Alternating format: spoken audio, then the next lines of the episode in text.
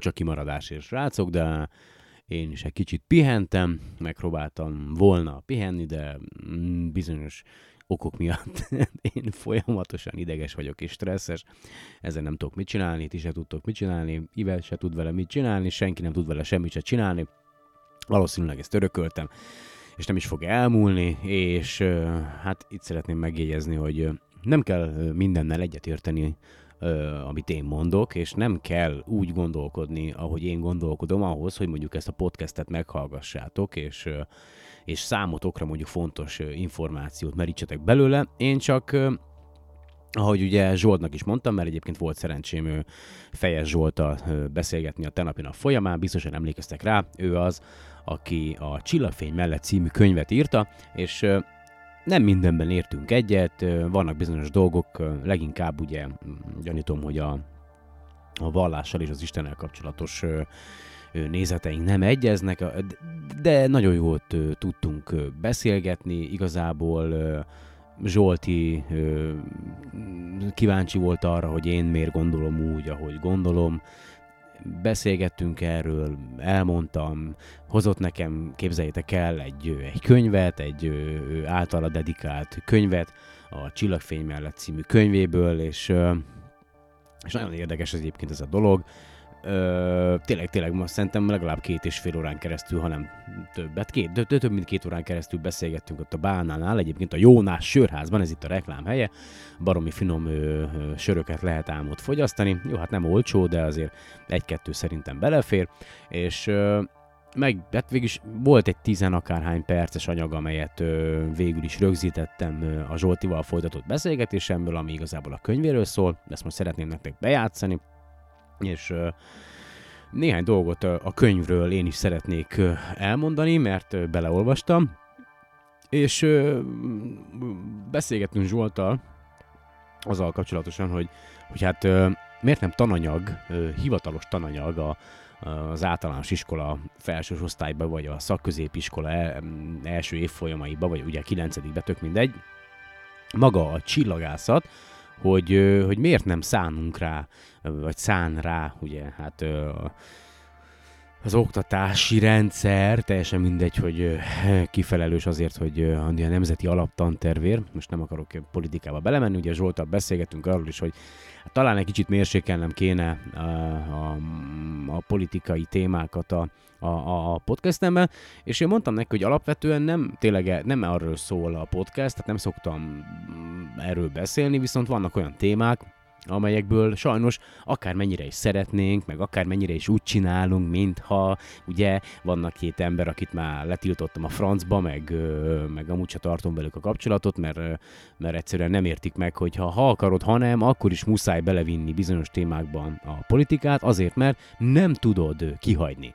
Mert nem tudsz anélkül bármit elérni. Tehát, hogy és ugye a, a planetárium kapcsán emlegetem nagyon sokszor azt, hogy, hogy hogy ebben nagyon sok mindenkinek, nagyon sok szerepe van, mármint abban, hogy jelenlegi állapotában egy romhalmaz, egy nagy darab ah, ürülék. És viszont Fejes Zsoltnak a könyve egy, egy, egy, egy példa nélküli darab, abban az időben, amikor egy, talán két éve már, amikor az első csillagász távcsövemet sikerült megvásárolni. Tényleg, tényleg, tehát el sem tudjátok képzelni, hogy hogy milyen út az, amit én eddig végigjártam, és ö, tényleg Ivet is mondta, hogy jó van, oké, dolgoztam a két ünnep közt, összejött rá a pénz, egyébként tényleg abból a pénzből vettem meg a csillagász távcsövet, amit a, a két ünnep közti munkával ö, kerestem, és ö, én, én akkor vásároltam hozzá egy könyvet, a könyv címét most nem mondom meg, akkoriban ezt lehetett kapni a, a távcsőboltban, ezt, ezt ajánlották a távcső mellé, de én egy, nem egy olyan típusú könyvre vágytam, hanem én egy olyan típusú könyvre vágytam, amit most itt fogok a, a kezemben, és amelyet Fejes Zsolt írt, és és ebben tényleg benne vannak a csillagászati alapok, és az a könyv, amit én akkor vásároltam a távcsőben mellé, abban az volt, hogy Uh, van ilyen típusú távcső, van olyan típusú távcső, így néz ki az égbolt, itt vannak a csillagképek, na jó van, most már nézzed, itt van néhány fénykép, azt vége. Viszont Zsolti, ahogy ugye írja is a alcímben a, a csillagfény mellett, hogy csillagászati zárójelben majdnem, zárójel bezárva tankönyv, uh, Ugye Zsolti évek óta, ki tudja hány éve csillagászati szakköröket tart a lakókörnyezetében, és elgondolkodott azon, ezt majd hallani fogjátok ugye abból az adásból is, vagy a, vagy a audio felvételből is, amit ö, rögzítettem, ami nem túl jó minőségű, mert mobiltelefonnal vettem fel, úgyhogy előre is elnézést kérek érte. Tehát arra gondolt, hogy hogy oké, okay, hogy elmondja a diákoknak, akik ott vannak, hogy mi, hogy, merre, de, de jó lenne, hogyha lenne valami kézzel fogható anyaguk is, ami, ugye, ami lenne. Na és ö, gyakorlatilag ebből a gondolatból ö, valósult meg végül is az a könyv, amit én majd itt tartok, de ezt Zsolt is el fogja mondani a rögzített beszélgetésben, és néhány véleményt a, a könyvről, mert itt a hátoldalán van néhány vélemény. Ö, azt mondja, számomra külön értékkel bír, hogy a kiadvány a kulini hagyományok szellemében íródott, így mindannyiunk nevében, akik Kulin György szellemi örököseinek valljuk magunkat, köszönettel tartozunk a szerzőnek. Udvar Imre, matematika-fizika tanár, csillagászati szakkörvezető. Amikor elkezdett érdekelni a csillagászat, nem találtam egy olyan forrás sem, ahol az alapok közérthetően és összeszedetten le lettek volna írva, sok különböző könyvből kellett összeszedegetnem az információkat. Nagyon jól jött volna nekem akkor egy ilyen összefoglaló mű, így biztos vagyok benne, hogy nagy segítségére lesz a csillagászat iránt érdeklődő fiataloknak. Dája Gergely, asztrofizikus, ELTE. Napjainkban különösen sok fiatalt érdekel a csillagászat és az űrkutatás. Sokan néznek ismeretterjesztő műsorokat, figyelik a világhálón megjelent híreket, olvasnak ismeretterjesztő könyveket, ám tapasztalataim szerint a csillagászat leghatékonyabb megismerési és megismertetési formája a szakkörökön vagy a bemutató csillagvizsgálók előadásain való aktív részvétel. A közös munka, a közös beszélgetések, észlelések valóban közelebb hozzák a csillagokat. A tanárok részéről is nagy tehát az igény egy jól felépített szakkörökön használható tankönyv iránt. Fegyes Zsolt könyvét elsősorban csillagászati szakkörök diákjainak és tanárainak ajánlom, de biztos vagyok benne, hogy szívesen olvassák majd azok is, akiket már magával ragadott a csillagos égbolt látványa, a világegyetem határtalansága, a bolygók sokfélesége. Horvai Ferenc, a Polaris csillagvizsgáló szakkörvezetője, a Nagykároly Csillagászati Alapítvány elnöke és valóban jó a könyv, elolvastam belőle most így délelőtt egyébként jó néhány oldalt, most a pontos idő az olyan egy óra valahány perc, nem is pontos, és, és tényleg annyi hasznos információ van benne, minden, amire, amire szüksége van egy olyan embernek, aki, aki, aki arra adja a fejét, hogy szeretné megismerni legalább, legalább alapvető szinten a, a körülötte lévő világot, és nem a, az utcára gondolok, meg a játszótérre, meg a szemetesre, meg a, a közmunkásokra, akik takarítják a kukákat, hanem egy kicsit távolabbra, úgy, úgy mondjuk úgy egy pár száz kilométerrel odébb,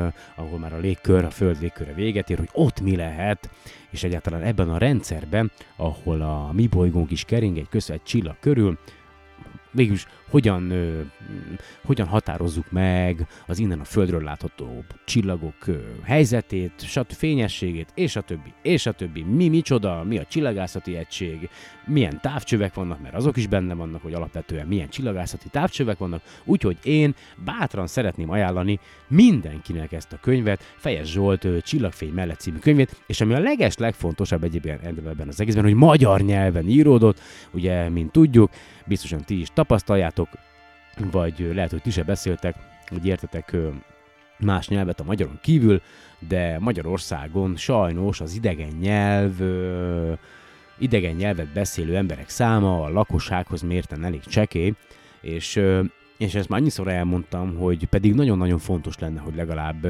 a sajátunkon kívül legalább egy nyelvet beszélünk, és én, én az angolt javaslom, és már pedig azért, mert mind a számítástechnika, mind pedig nagyon sok mindennek a nyelve, az angol, és a, ha jól tudom, talán az angol ezen a bolygón, ugye, amely nem lapos, az angol nyelv az, amelyet végülis a legtöbbet beszélnek, vagy legtöbb ember beszél a világon, és bármerre is járjál ezen a Föld nevű bolygón, ha szerencsés vagy és eljutsz idegen tájakra, ez az a nyelv, az angol, amelyel mindig és mindenkor meg tudod értetni majd magadat. Úgyhogy ajánlom mindenkinek, hogy olvass el Fejes Zsolt könyvét, és mellé ajánlok egy nyelvkönyvet is, ha nem beszéltek angolul, vagy hallgassatok ki idegen nyelvű podcasteket. Egyébként a vicc az egészben az, hogy elkezdett hallgatni, én is úgy tanulom a nyelvet, és tényleg van, hogy a 80%-át nem érted az egésznek, amiről beszélnek, de minél többet hallgatod, meg mondjuk ugyanazt a műsort, és közben próbálsz ö, utána ö, nézni a különböző szavak jelentésének, amikor már 11-ére meghallgatod ugyanazt a podcastet, akkor szinte már a 80%-át érted,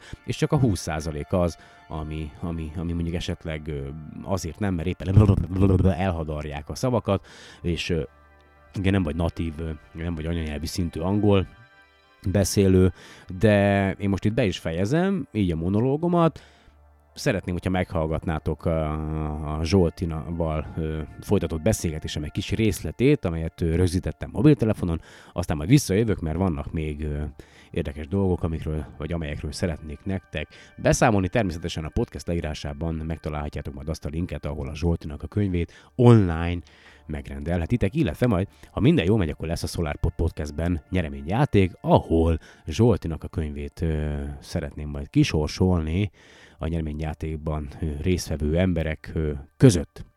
Ja, de akkor következzen a beszélgetésünk. Lenni Most kezdjem előről? Nem, nem, folytathatod. Majd nyugi, én erre felvezetem a dolgot, de ezt most, most már elég volt, hogy nem, nem rögzítem, úgyhogy... Jó, beszélj nyugodtan.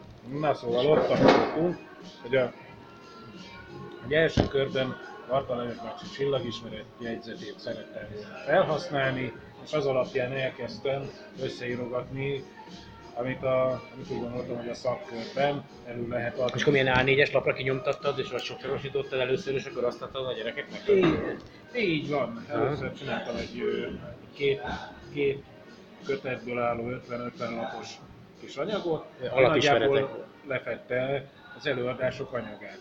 Mert azért az előadásokból is szedtem le bőven a könyvhöz. És, és ezt az anyagot elvittem a Horvai Fecóhoz, Horvai Ferenchez, hogy ő kicsoda egyébként? Ő a jelen pillanatban a Nemzeti űrkutatási Hivatal egyik munkatársa, egyébként szakképzett csillagász ismeret. Ő szerint, hogy mégis lektorálja, nézze át szakmailag, hogy rendben van-e, hogy ne, ne írjak túl nagy utasságot. Jó, át is nézte, be is futottunk egy lektorálási kört, aztán úgy, úgy hozta az élet, hogy nem tudta folytatni, de a, akkor már ő mondta, hogy ezt érdemes lenne egy kicsit jobban összedolgozni, jobban rendszerezni, kicsit hozzáoldani még, és csináljunk belőle könyvet ne csak egy ilyen kis füzetecskét. És akkor ezzel elkezdtem újból egy kicsit dolgozni, egy jó évet, és, és hát végül is így alakult ki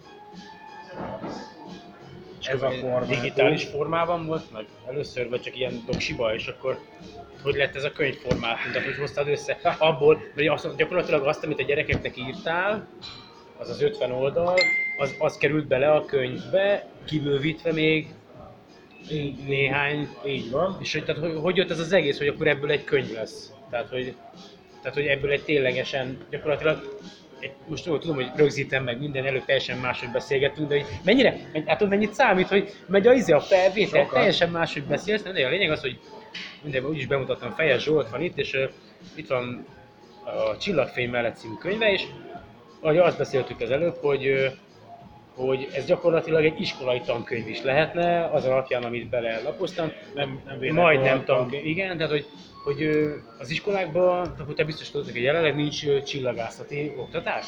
Nagyon-nagyon olyan alapismeretek vannak csak, amik De mi, hogy a nap körül kering a föld, azt ennyi? hát körülbelül. Tehát et, ettől nem sokkal több.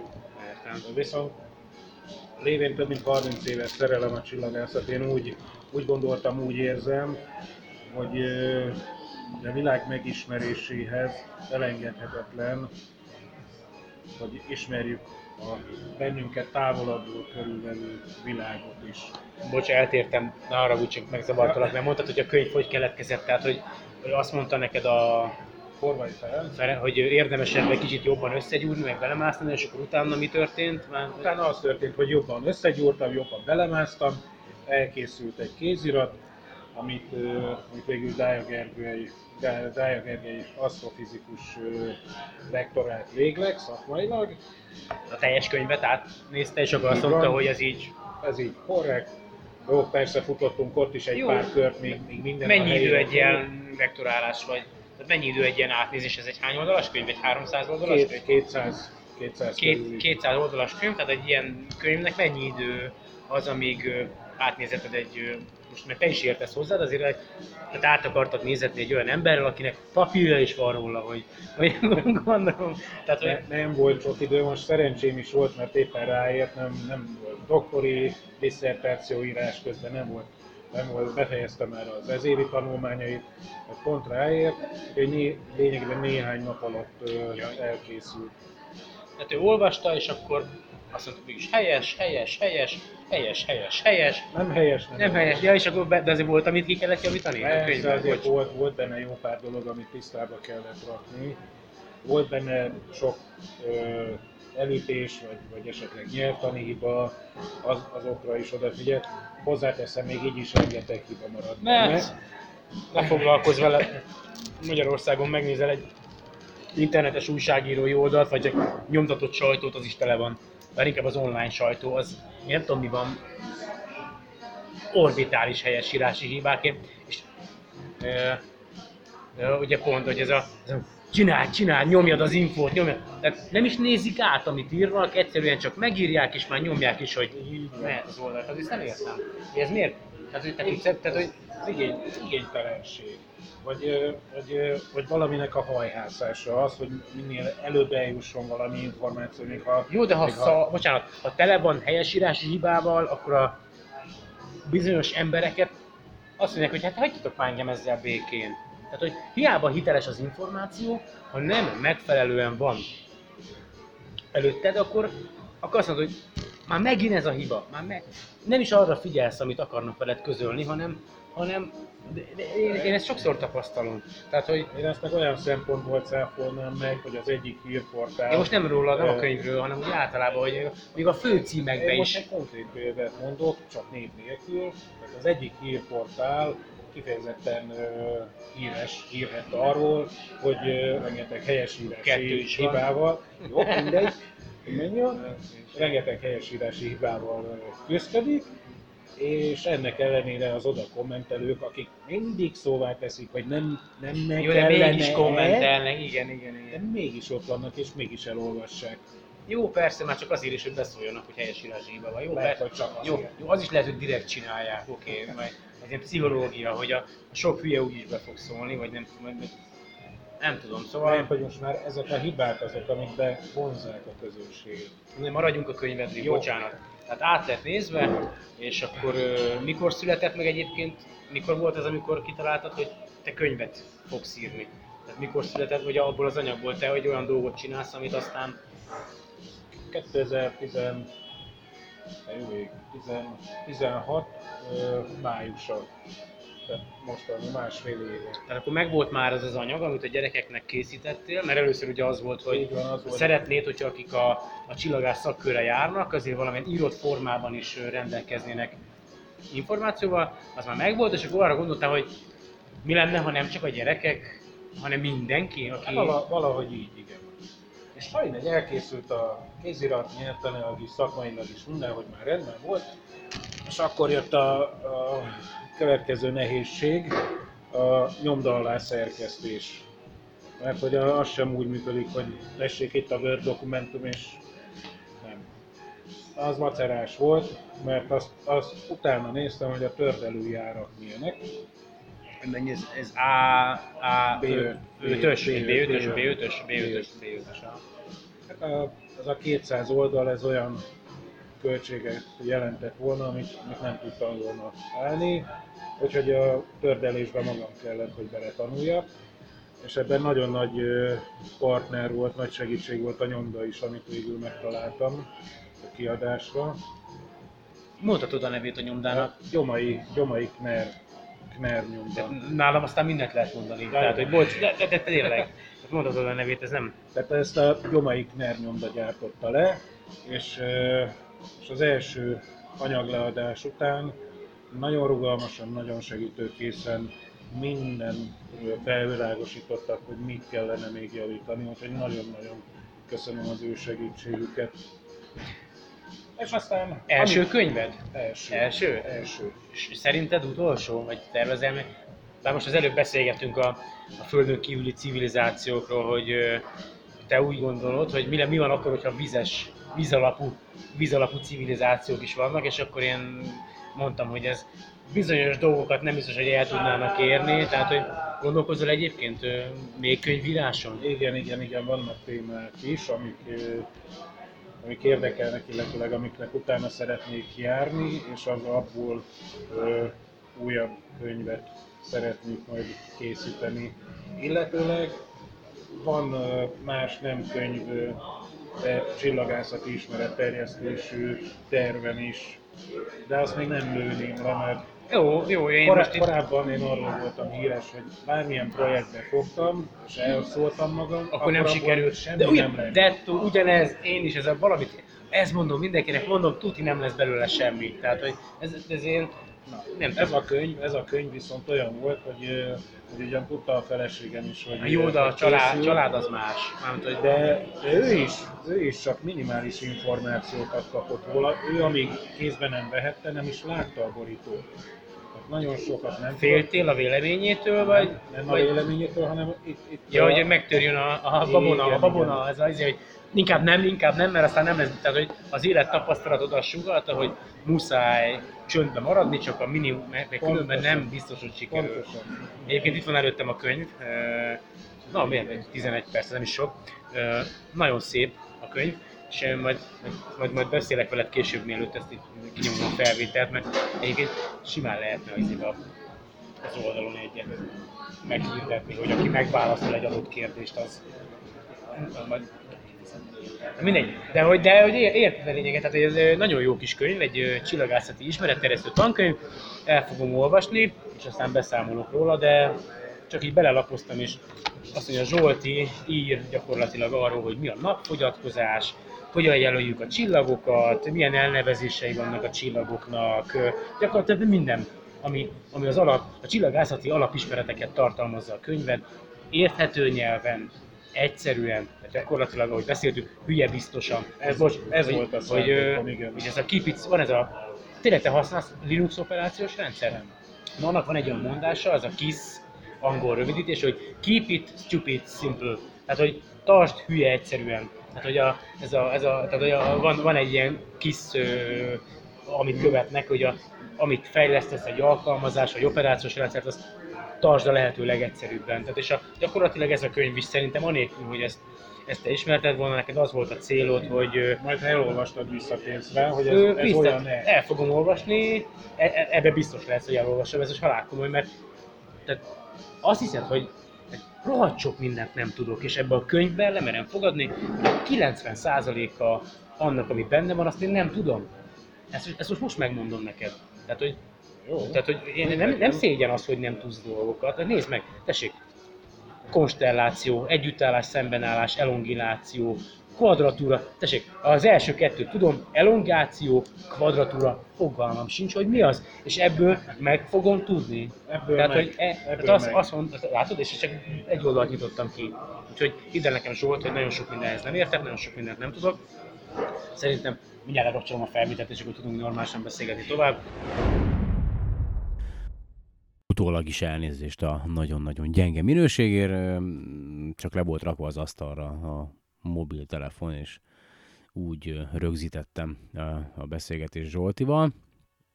Úgyhogy ezért tényleg elnézést kérek tőletek, hogy ilyen gyenge volt a minőség, de javaslom tényleg mindenkinek, hogy szerezze be a könyvet, még egyszer a címe az Csillagfény mellett, írója pedig Fejes Zsolt, de a podcast leírásában megtaláljátok, bár az interneten rákerestek, akkor a Google egyből fel fogja dobni egyébként a, azt az oldalt, ahonnan megrendelhetitek, és itt szeretném megköszönni Zsoltinak, hogy, hogy találkoztunk, illetve azt, hogy adott nekem egy, egy könyvet, erre tényleg nem számítottam, nagyon-nagyon szépen köszönöm a munkát, meg hát úgy nagyon-nagyon, de nagyon-nagyon sok mindent.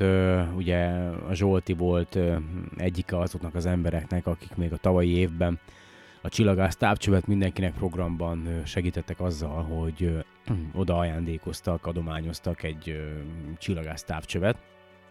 Úgyhogy ezért is nagyon hálás vagyok. Aztán, ha már könyvajánlónál tartunk, képzeljétek el, megérkeztek ugye külföldről a, a könyveim, ami, amelyekről beszéltem korábban. Az egyik ugye a, a Nick Lane ö, Oxygen, The Molecule, the molecule, the molecule that made the world. Szóval Oxygen a molekula, amely a világot megalkotta. Ez egy ö, szintén B5-ös könyvméret, ö, most akkor már így tudom, ugye? És azt mondja, hogy majdnem 370 oldalas, full angol nyelvű, beleolvastam az első néhány oldalba, hát eh, nem lesz könnyű dolgom. Valószínűleg egy enciklopédiát kell magam mellett tartani, ez a könyv ez nagyon-nagyon tudományos nyelvezetű, tehát nem. Viszont a másik könyv, a, a, a Caleb Sharf és Ron Miller, ö, ugye hát Caleb Sharf írta a könyvet, illusztrálta Ron Miller, meg a 5W infografikák vannak benne, mindegy, megérkezett a Zoomable, The Zoomable Universe című könyv is, ez egyenesen United States of America-ból, tehát az egyenesen az Egyesült Államokból érkezett meg hozzám, ez is egy angol nyelvű könyv, és beleolvastam, képzeljétek el végre, remélem, hogy végig fogom olvasni, fantasztikus a könyv, bemutatja az egész jelenleg a tudomány szerint ismert világunkat, onnantól kezdve, hogy elindulunk a, a megfigyelhető világegyetem méreteitől egészen a, a kvantum méretekig is, tehát a könyv azzal kezdődik, hogy megpróbálja bemutatni a, a, a, a, a kozmikus horizontot gyakorlatilag, ugye a, a, az ember számára látható világegyetemet, ami olyan 90 akárhány milliárd, milliárd fényév, igen, igen, igen, nem akarok hülyeséget mondani, de igen, mert igen, 13,78 a, igen, tehát igen, 90, 90 milliárd fényév körül mozog, ö, 10 a 27-en ö, méter, és nagyon jól kezd a könyv, tényleg Zsoltinak is azt mondtam, hogy nagyon sok embernek, valószínűleg nekem is volt, vagy lehet, hogy már nem, de hogy a, az a problémája, hogy igazából nem tudja fejben elképzelni ezeket a, ezeket a méreteket, amelyekről, amelyekről mondjuk tudósok vagy kutatók írnak, hogy milyen hatalmas a, a világegyetem, és pedig viszony, tehát hogy, és a, a könyv ebbe próbál segíteni, ugye úgy kezdi az egészet, hogy a, amit elolvastam legalábbis, hogy képzeljük el azt, hogy, hogy ülünk egy szobában, egy átlagos méretű szobában, nyári napon, ugye így kezdi a könyv, mondjuk egy átlagos méretű szoba, nem tudom, de, de mondjuk képzeljétek el, hogy ti otthon ültök a szobába, szerintem olyan nagyon nem lehet tévedni, még egy kis szobába sem, és besüt a nap az ablakon, és, és ugye látjátok, hogy a napsugarak úgy úgy keresztül utaznak ugye a, a, a, a, a szobában lévő levegőn, és így nekiverődnek a falnak, hogy láttok benne ilyen apró porszemcséket, ugye szépen így úszkálni benne, így mozognak össze-vissza, egymásnak ütköznek, mint, mint mondjuk a molekulák a levegőben, és, és az, a könyv azzal kezd, hogy képzeljük el azt, hogy ez a szoba, amiben vagyunk, és ahol ezek a, a, a, a látható, látjuk ezeket a porszemcséket, ez maga a, az általunk megfigyelhető világegyetem. És egy-egy ilyen porszemcse egyetlen egy galaxis. És hogy, hát ez hihetetlen egyébként, és hogy próbáljuk meg elképzelni, hogy kinézünk magunknak egy, egy, egy porszemcsét, amely, amely ugye közlekedik, vagy úszkál a, a, a levegőben, és, és, és képzeljük azt, hogy az a porszemcse, az a tejútrendszer, az a százezer fényév átmérőjű galaxis, amiben élünk, és, és abban a porszemcsében valahol elrejtve, tőlünk elrejtve, amit mi nem is láthatunk, van egy csillag, ugye a mi napunk, amely, amely körül az a bolygó kering, amelyen élünk, és hogy, tehát, hogy pont, pont ezt próbáltam a Zsoltinak, vagy ezt mond, tehát, hogy, hogy én mit gondolok, hogy ugye valahogy szóba került a beszélgetésünk kapcsán, hogy, hogy én úgy gondolom, hogy, hogy mi, mi emberek egyébként, meg úgy általában az, az egész bolygó, hogyha kellő távolságból nézed, akkor a világegyetem szempontjából teljesen jelentéktelen. Tehát mi, mi úgy gondoljuk, hogy mi baromira fontosok vagyunk, én is úgy gondolom, hogy az, amit csinálok, az baromira fontos, ezen a szinten biztos, ahol élünk, biztos baromira fontos, biztos nagyon sok minden, de ha a kellő távolságból nézel, ha nagyon, de nagyon, de nagyon messziről nézed ezt az egészet, amit mi művelünk, vagy amit mi itt teszünk, ugye élet és hétköznapok címén, gyakorlatilag szart sem ér. Tehát, hogy hogy, hogy nincs, nincs jelentősége. Tehát a világegyetem szempontjából az, hogy mi létezünk, az nem releváns, az nem számít. Az, hogy mi mit akarunk, az, hogy mi mit érzünk, az, hogy mi... Az nem érdekes senkit. Tehát, hogy meg úgy általában sem. És, és ez, ebbe, ebbe egyébként baromira nehéz belegondolni, és aztán ugye baromira nehéz visszatérni a hétköznapokba, és tudod, hogy te élsz, te lélek, tehát hogy neked szükséged van élelemre, lakásra, én is szenvedek, ugye elég hülye rendszer van most, nagyon-nagyon felmentek az ingatlanárak, egyszerűen lehetetlenség ugye ö, emberi áron, ö, vagy emberi hitellel ugye ö, lakáshoz jutni egy átlagembernek, és, és ezek, ezek a számomra nagyon fontos problémák, tehát hogy ezek, ezek engem folyamatosan stresszelnek nap mint nap. Viszont ha a kellően messzire mész, elég messzire mész, akkor most nem én, hanem úgy általában, tehát hogyha csak a világegyetemet nézed, mi egy észrevehetetlen kis, kis semmi vagyunk. Tehát egy gyakorlatilag jelentéktelenek, és uh, tudom, hogy nehéz ebbe belegondolni, meg uh, tudom, hogy néha hogy dühítő is lehet az, amit mondok, de ez akkor is így van. Tehát, hogy uh, a, tehát, hogy tényleg, és, és lehet, hogy távol valahol két-háromszáz fényévnyire, vagy ezer fényévekre, teljesen mindegy, van egy másik civilizáció, ahol, ahol lehet, hogy eljutottak ugyanerre a szintre, mint ugye mi, és Zsoltival így beszélgetünk erről, hogy, hogy hogy hát, hogy, hogy én miért, miért, miért úgy képzelem el a földön kívüli civilizációkat, hogy a miénkhez hasonló, és ugye hát megpróbáltam neki elmondani, hogy azért képzelem úgy, hogy a miénkhez hasonló, mert hiszen ezek az anyagok, amelyeket mi, amelyek minket felépítenek, ezek a világegyetem minden szegletén, legalábbis a, amennyit most tudunk a világegyetemről, jelen vannak már, a kozmikus evolúciónak köszönhetően, ugye elég ideje volt a világegyetemnek ahhoz, hogy a bizonyos anyagok, nehezebb elemek, bla bla bla, tudod, aranyezüst, és nátrium, és a többi, most tök mindegy, hogy ezek megszülessenek, és aztán a bolygók kialakulhassanak.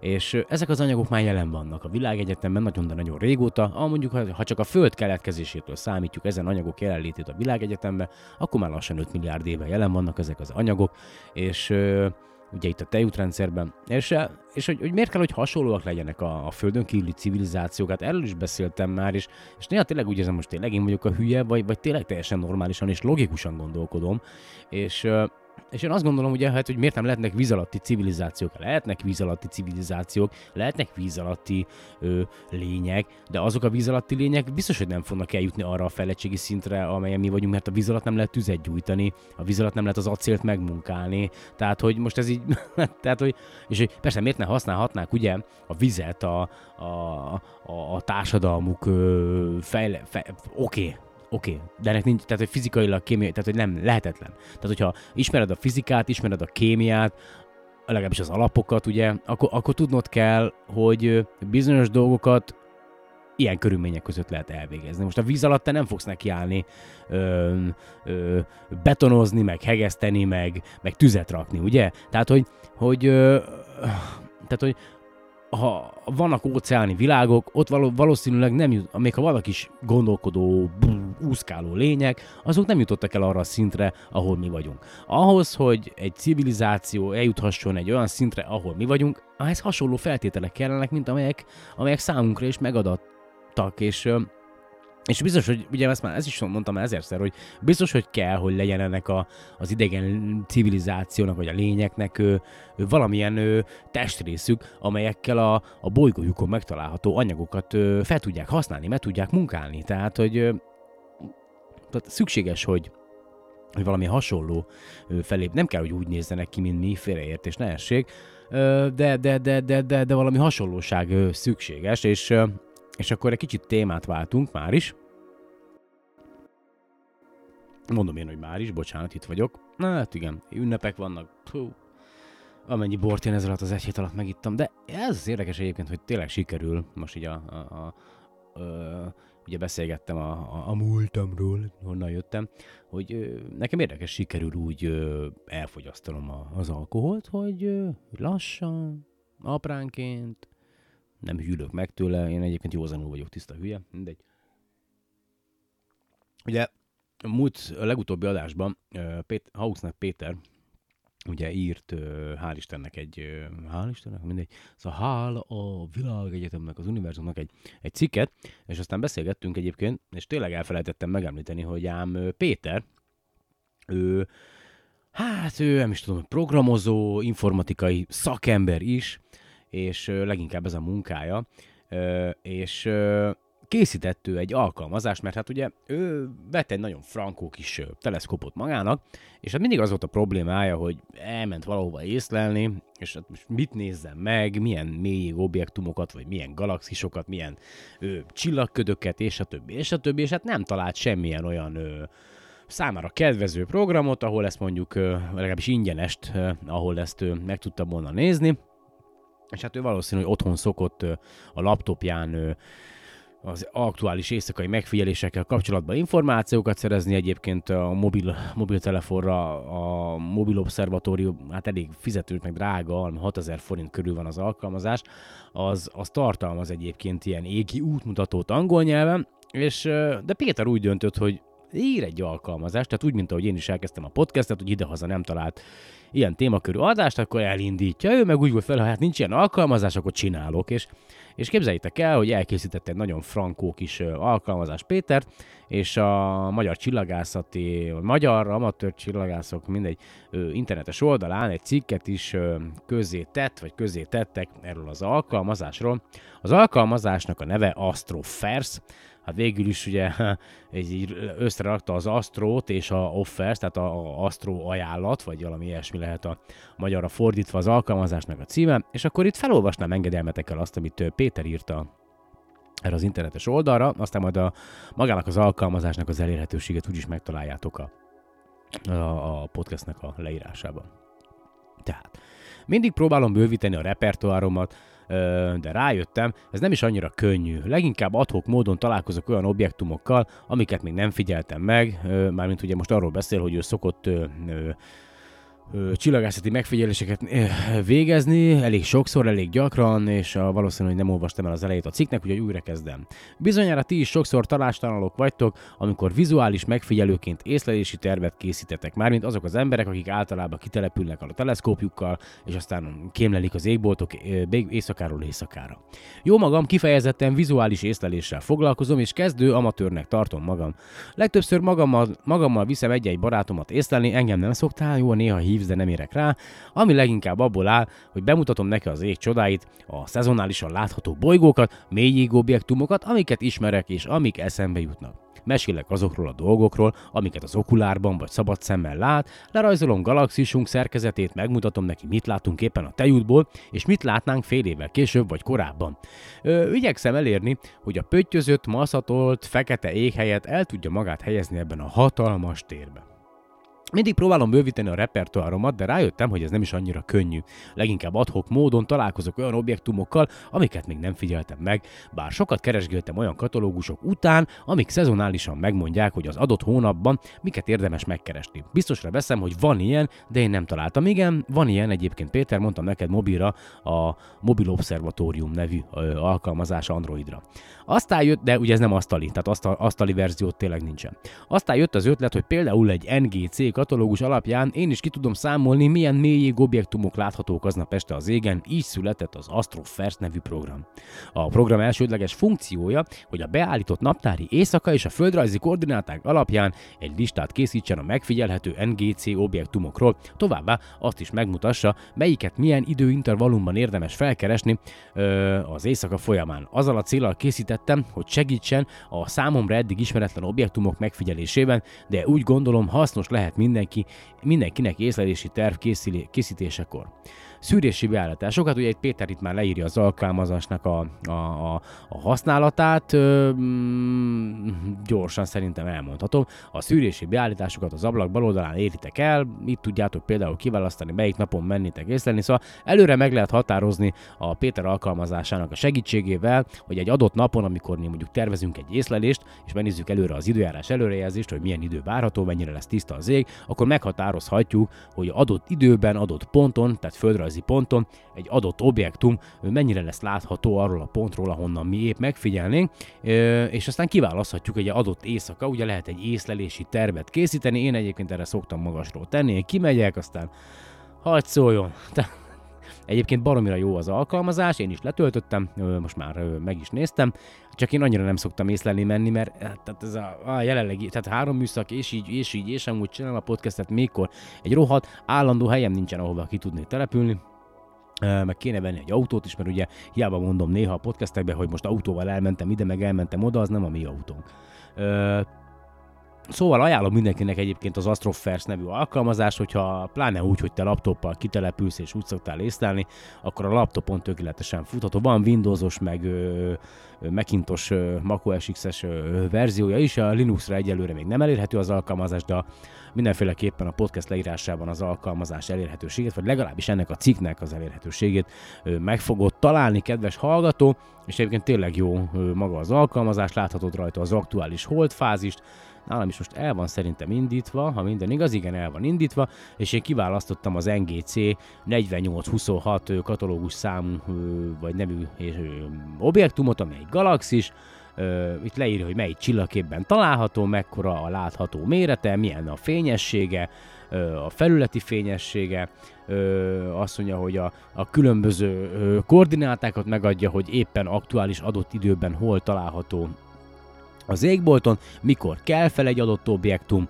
ö, milyen magasra ö, ö, megy fel az égbolton, ugye, mettől meddig látható, és a többi, és a többi, és van egy grafikon, amely megmutatja, hogy az adott objektumnak mikor ö, a legjobb a láthatósága az adott földrajzi helyről. Úgyhogy tényleg ajánlom mindenkinek ezt az alkalmazást, és hogyha tényleg nektek is van akármilyen témátok, programotok, vagy csak könyvajánlótok, vagy, vagy csak tényleg van, szeretnétek egy akármiről hallani, vagy beszélni, akkor nyugodtan írjatok, vagy rögzítsétek, küldjétek el, higgyétek el, ebben a podcastben le fogom játszani. Ez egy, ez egy teljesen amatőr műsor, és akkor most egy kicsit témát váltunk, és az égen, földön, föld alatt Facebook oldalról fogok néhány hírt vegyesen, mint csillagászat, mint pedig a, ugye a bolygók, tehát a klímakutatást is érintő híreket, amelyeket Mónikának köszönhetünk, úgyhogy az fog következni hamarosan, vagyis hát most.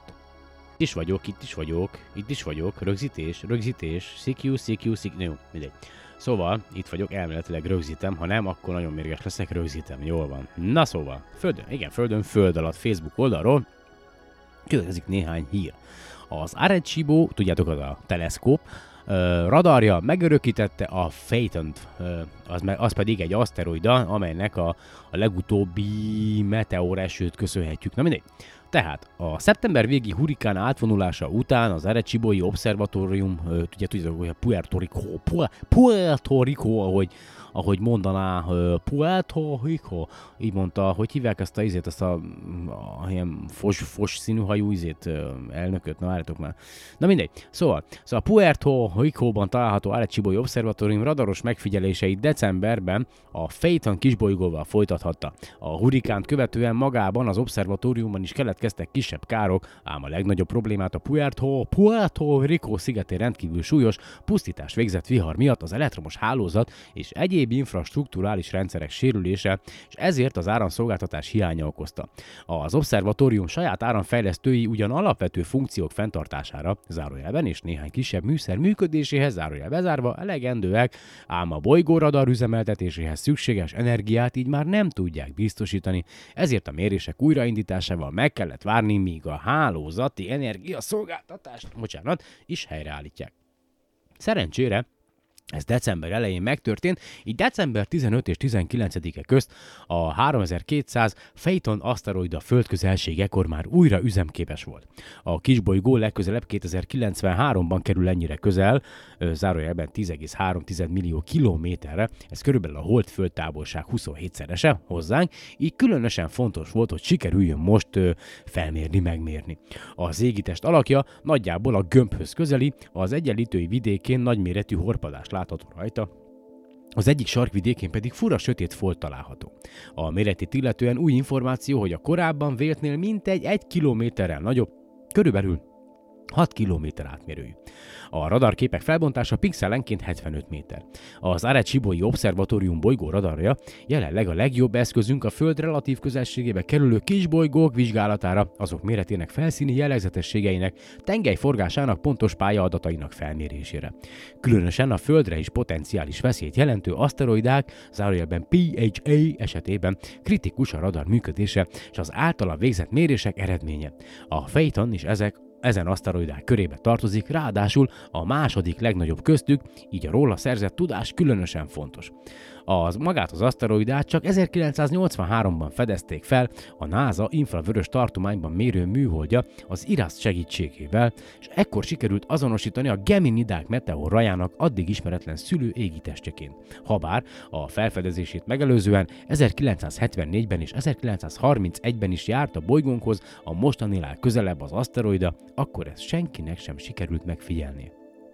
És eszembe jutott a neve Donald J. Trump, most tudjátok, az egy Amerikai Egyesült Államokban elég hideg van. Ugye ott az északi részen, a kanadai részén, és a legnagyobb, legmelegebb időszakban is mínusz 20 fok van, és ez a drága amerikai nép által megválasztott elnök, mi egy szót se szólhatunk, Kit megint ugye Twitteren szokott ö, ö, kommunikálni az emberekkel, és akkor kiírta, hogy mi, mi, mi, mi, milyen globális felmelegedésről beszélgetünk, amikor most ott az északi féltekén olyan hideg van, hogy csak na. És aztán próbálták neki megmagyarázni a kutatók így ilyen válaszreakcióban, hogy a, a klíma az nem egyenlő az időjárásra. Ö, és eh, ah, mindegy. Szóval nem egyszerű, tényleg nem egyszerű ezen a bolygón élni. Ö, van kismillió 80 ezer 650 vallás, aztán vannak a lapos földhívők, vannak a, a, a mindenféle tudományt tagadók, vannak azok az emberek, akik azt hiszik, hogy egy komplett összeesküvésben élnek.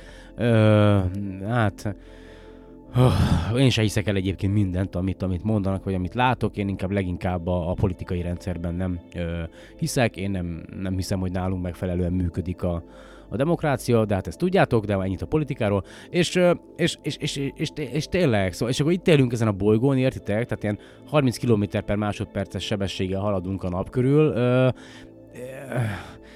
plusz a naprendszer is halad ugye a, a, tejútrendszer középpontja körül, plusz maga a galaxisunk is valamerre tart ebben a végtelenben, és és aztán ilyen dolgokat beszélgetünk, hogy nem létezik, ez nem létezik, az nem létezik. Őszintén, tényleg azt mondom, annak ellenére, hogy valószínűleg az én halálomat is fogja az okozni, de tényleg azt hiányzik ennek az emberi fajnak, hogy egy, egy hatalmas, de egy írdatlanul nagy ö, természeti katasztrófa történjen, vagy egy szupervulkán kitörés, vagy pedig egy, egy, egy irgalmatlanul nagy ö, ö, aszteroida, ö, egy meteor becsapódása a bolygónkban, mert, mert komolyan mondom, tehát, hogy addig nem fog válni, tehát, hogy annyira tehát, adin, tehát egyszerűen, és aztán, aztán majd az a, talán az a megmaradt néhány ember, aki esetleg túlél egy ekkora katasztrófát, és, és meg lesz lehetősége újjáépíteni a, a társadalmat, az majd, az majd talán máshogy fog gondolkodni, az majd talán másképp fogja továbbadni az információt a következő generációknak, talán már valahogy megakadályozásra kerül, hogy, hogy olyan generációk nőjenek fel, amelyek amelyek nem hisznek bizonyos dolgokba, tehát egy, egy, egy teljesen másfajta gondolkodásmódra van szükség, ezt már ezerszer mondom, de mindig én vagyok a hülye, hát akkor tudjátok meg, akkor hülyén fogok meghalni, de magasról szarok rá, és akkor következzem még egy cikk, Mónika, Lendi Gyebnár Mónika jó voltából az Égen Földön Föld alatt Facebook oldalról, a felhőképződés, felhőképző kozmikus sugarak. Tudjátok, hogyha hallgatjátok a podcastet rendszeresen, akkor én már beszéltem erről a témáról, hogy a, a kozmikus sugárzásnak attól függően, hogy mennyi ér a Földet, igencsak befolyása van arra, hogy a Földön mennyi felhő képződik, tehát a Föld mennyi felhő képződik, és most megjelent egy, egy kutatási eredmény ezzel kapcsolatban, amelyről írt Mónika is, és szeretném nektek felolvasni. A felhőképződésben alapvető fontosságú a pára kicsapódását lehetővé tévő kondenzációs magvak jelenléte a légkörünkben. Számos anyag szolgálhat kondenzmagok kiindulási pontjaként, azonban az, hogy az adott mikroszkópikus szemcse miként vehet fel további molekulákat a légköri aeroszolokból, és válhat alkalmas felületté a pára kicsapódására, eddig nem volt világos. Dán és izraeli kutatók most megjelent tanulmányából kiderülnek a folyamatok, és mind elméleti, mind kísérleti úton beigazolódott, hogy a kozmikus sugarak szerepe e folyamatban igen fontos. A kozmikus sugarak voltak éppen igen nagy energiájú részecskék, amelyek a világegyetemet keresztül kasul átjárják, és a szupernova robbanások során megsokszorozódik a jelenlétük. A Földünk közelébe akkor juthatnak el, ha a naptevékenység nem túl erős, mivel egyébként a napkitörések során keletkező nagy energiájú, erős mágneses teret hordozó napszél távol tartja őket zárójelben, a naprendszer határát is az ez a képzeletbeli héj jelöli, amelyen belül a napsugárzás és a napmágneses hatása érvényesül, vagyis a helioszféra egyébként. A kozmikus sugarak jelenléte jóval kisebb, mint a héjon kívüli csillagközi térben. A Voyager 1 űrszonda 2012. augusztusában már átlépte ezt a határvonalat, vagyis a helioszférát, és ahol jár, ott már a kozmikus sugarak dominálnak, zárójel bezárva.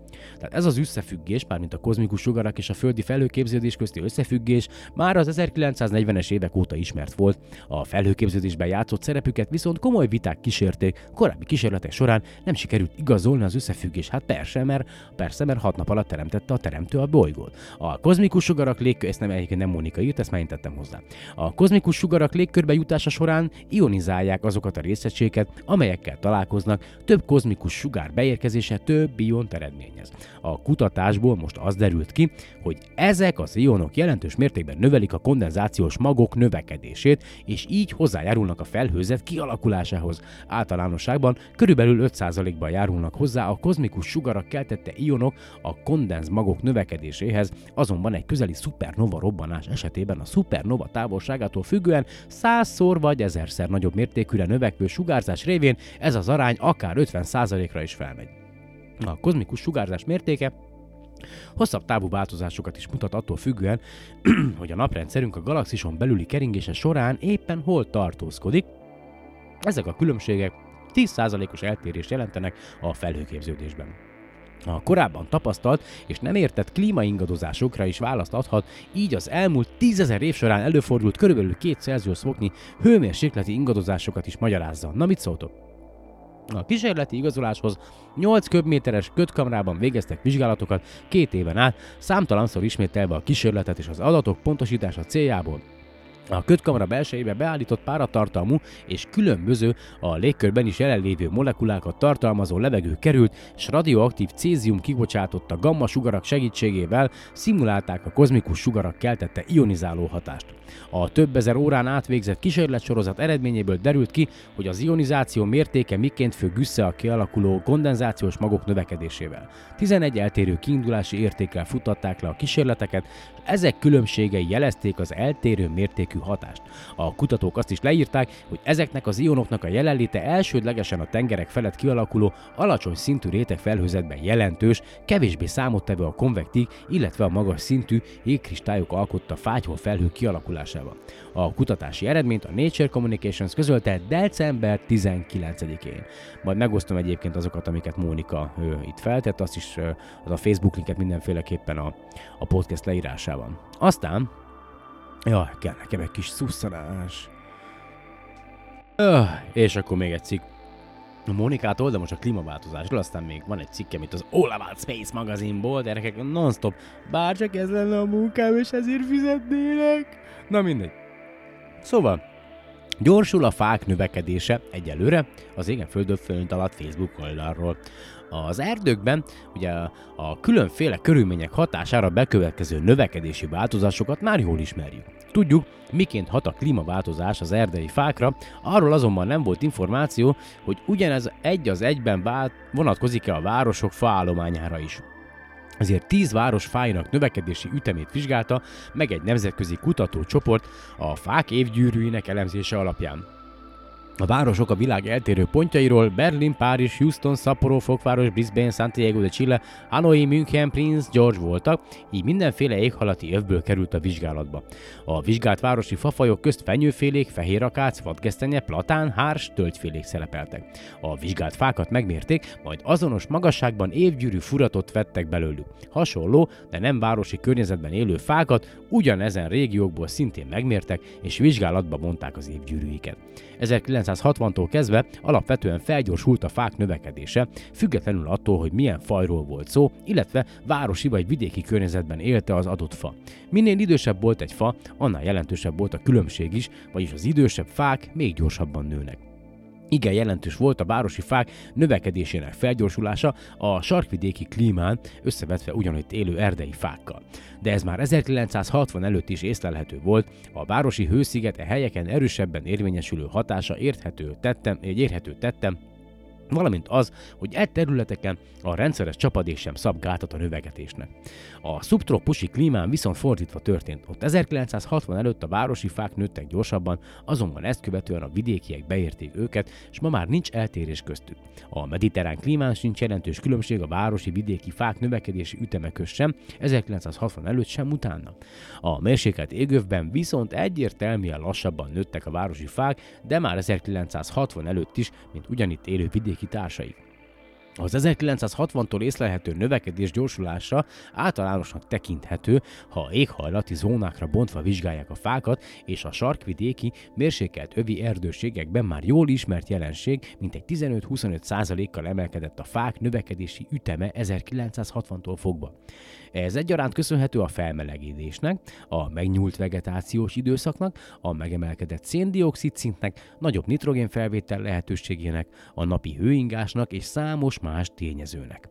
Az eddigi megfigyelések alapján annak ellenére, hogy az asszályok során akár el is pusztulnak a fák, általánosságban elmondható, hogy a fák nyertek a klímaváltozással.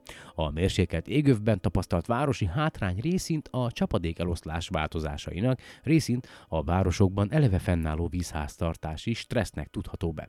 Itt az emelkedő hőmérséklet ezen a változáson keresztül negatív hatással bír. Magyarul a mérsékelt övben a nagyobb, tehát eleve jelentősebb mértékben növekvő fák esetében egyszerűen már nem áll rendelkezésre elegendő víz a fokozottabb növekedéshez.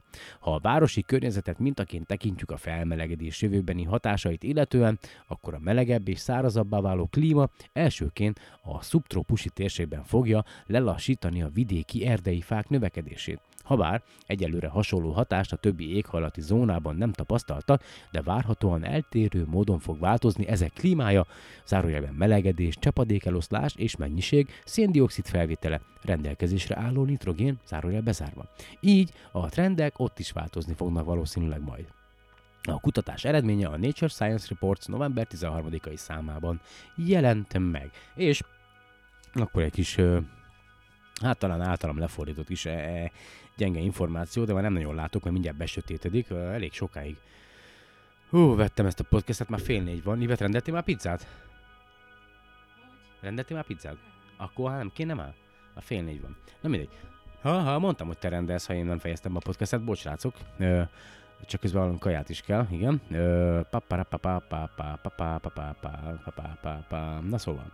Szóval, ugye, ha, nem tudom, befejezem már. Na, még megpróbálok itt, tehát, hogy azt mondja, hogy bizonyítékokat találtak arra kutatók, hogy ugye meséltem arról, hogy az egyik elmélet szerint ugye a, a, a földi élet az valahol a, a, az óceánok mélyén egy ilyen forró ponton, úgynevezett forró ponton alakult ki először, viszont van olyan elmélet is, hogy a, a földi élet egy teljesen más helyszínen, ugyanúgy vízben, ugyan, de ilyen ö, tavacskákban, tehát ilyen nagyon pici tavacskákban ö, alakult ki, szinte azonnal, miután a, a, föld kérge megszilárdult, és, és már a víz ugye lekondenzált, és folyamatosan ingadozott a, a mennyisége. Na mindegy, szóval van egy olyan elmélet, amely ugye a meteoritok, tehát hogy ami azt feltételezi egyébként, igen, Na, tehát hogy az, az az elmélet, hogy az élet úgy keletkezett, hogy az eleve tápanyagdús, különböző szerves anyagokban dús ilyen földi tavacskákba belecsapódott egy, egy meteorit, amely aztán gyakorlatilag ez a becsapódásnak az energiája, meg az, ami, az az anyag, amit magával hozott a meteorit, vezetett ahhoz, hogy kialakult a Földön a legelső létforma, amelyet az Ö, RNA-nak tekintenek, vagyis a, a ribonukleik savnak, mert ugye azt mondják, hogy nem lehetett a DNS a, az első létforma, mert az túl bonyolult ahhoz, hogy, hogy, hogy tehát ahhoz kellett az RNA is, tehát az RNA, RNA is, és a, a kutatók szerint, akik ugye mindjárt mondom, ez a Ben K.D. Pierce, asztrobiológus a McMaster Egyetemen Kanadában, tehát szerintük a Földet a korai időszakába az RNA alapú élet népesítette be, és aztán valamilyen csoda folytán ugye kialakult a, az általunk hát ismert a DNS alapú élet is. Ö, azt mondja, igen, Hát ugye, és a, mindegy, az, mm, szóval akkor még nagyobb a fiatal földbe, ugye még nagyon-nagyon változott a, a földfel, ugye akkor volt még csak kialakulóban maga a földfelszín, ö, fú, én nem is tudom mi lehetett egyébként akkor. Az a baj, hogy ezekre csak, ezek csak elméletek, felvetések, tehát senki nem látja, hogy milyen volt akkoriban a bolygó, bárcsak visszamehetnénk időutazásba, és aztán megtekinthetnénk saját magunk is, hogy milyen volt a, az akkori föld, ez a zene nagyon hangos, halkavra veszem, ah, ez az. És akkor lehet, hogy itt elköszönök, pedig még rengeteg minden van, még szerettem volna nektek felolvasni a könyvből is, de már szerintem már egy órán túl vagyunk, úgyhogy én itt a, a mai adást akkor, akkor ezennel lezárom, remélem, hogy mindenről beszéltem, aztán majd találkozunk egyébként jövőre 2018-ban, képzeljétek el, márciusban már két éves lesz ez a marhaság, mint a podcast. Ah, nem tudom még meg meddig fogom csinálni egyébként, lövésem sincs, gőzöm sincs, csak egy ember vagyok, akinek akinek hát ö, vannak hangulatingazozásai, úgyhogy de igyekszik, és szeretném, és, és tényleg nem én akarom megmondani a tutit, már ezerszer mondtam, hogy nem az a tuti, nem az a frankó, amit én mondok, én csak azt szeretném, hogy gondolkodjatok. Még ha nem is értetek velem egyet, akkor is. Remélem, hogy minél hamarabb újra találkozunk, ha bármilyen kérdésetek van, írjatok solarpod2016.gmail.com, Facebook oldal, facebook.com per solarpod, soundcloud.com solarpod, most már van solarpod rádió ugye a, a TuneIn is, vagy TuneIn is, ö, jelenleg csak a adatépítés, Szertár Podcast és a SolarPod Podcast található meg rajta. Valószínűleg ez így is marad, mert hát tudjátok a nézeteim, hogy szokták ezt mondani, hogy ha nem simulsz be, ha nem nyalasz segget, akkor nehezen boldogulsz, és ez igaz, ez mindenre igaz, úgyhogy, de remélem, hogy minél hamarabb újra találkozunk, addig is kívánok nektek, nem is tudom, a jó pihenés, jó szórakozást, aztán kezdjük az újabb évet, egy újabb kört a nap körül. Szevasztok!